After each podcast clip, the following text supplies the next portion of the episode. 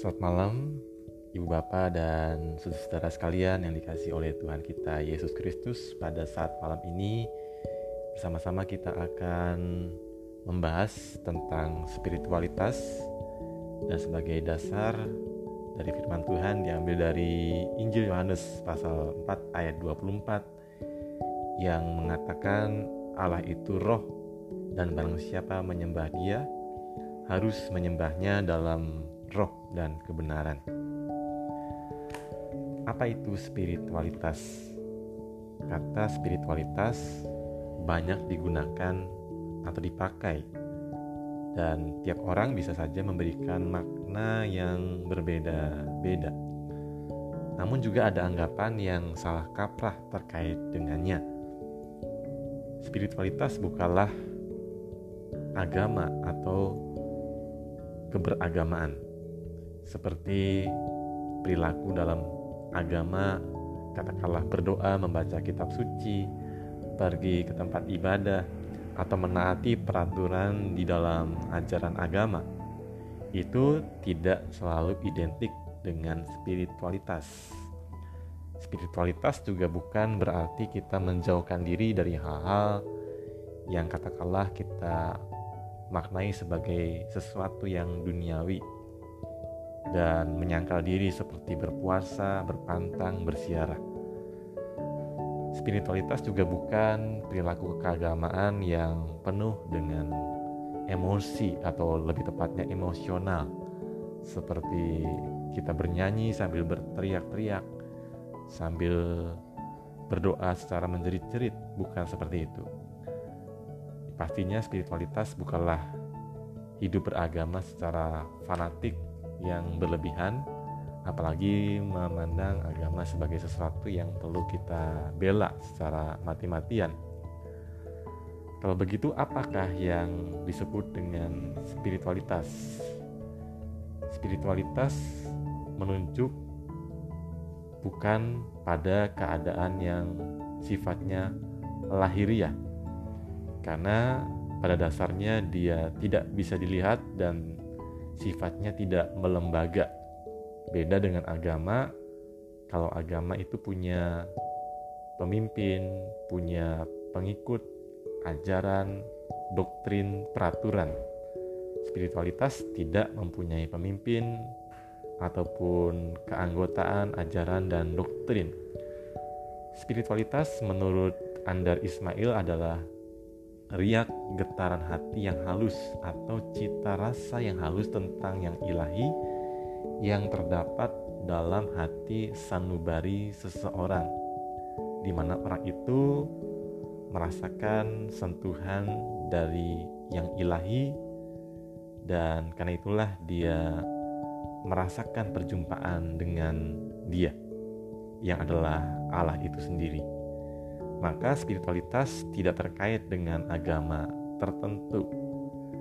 Kalau begitu, apakah kita tidak perlu beragama? Maksudnya bukan seperti itu. Agama memerlukan hal-hal yang kelihatan seperti lembaga, ritus, doktrin, dan sebagainya. Spiritualitas tidak memerlukan hal-hal semacam itu. Namun jangan salah paham, spiritualitas bukan dipertentangkan atau lawan dari agama atau bahkan menggantikan agama. Tidak. Justru agama harus diresapi atau juga dikaitkan dengan spiritualitas.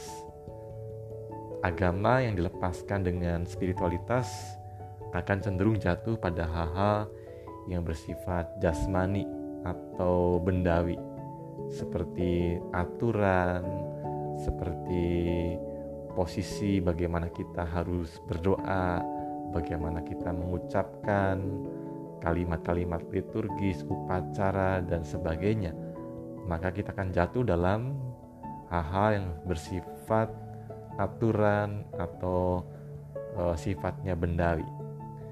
Itulah sebabnya Tuhan Yesus mengucapkan sebuah ucapan perkataan pada perempuan Samaria yaitu di dalam Yohanes 4 ayat 24 yang tadi kita baca Yesus berkata Allah itu roh dan barang siapa menyembah dia harus menyembahnya dalam roh dan kebenaran.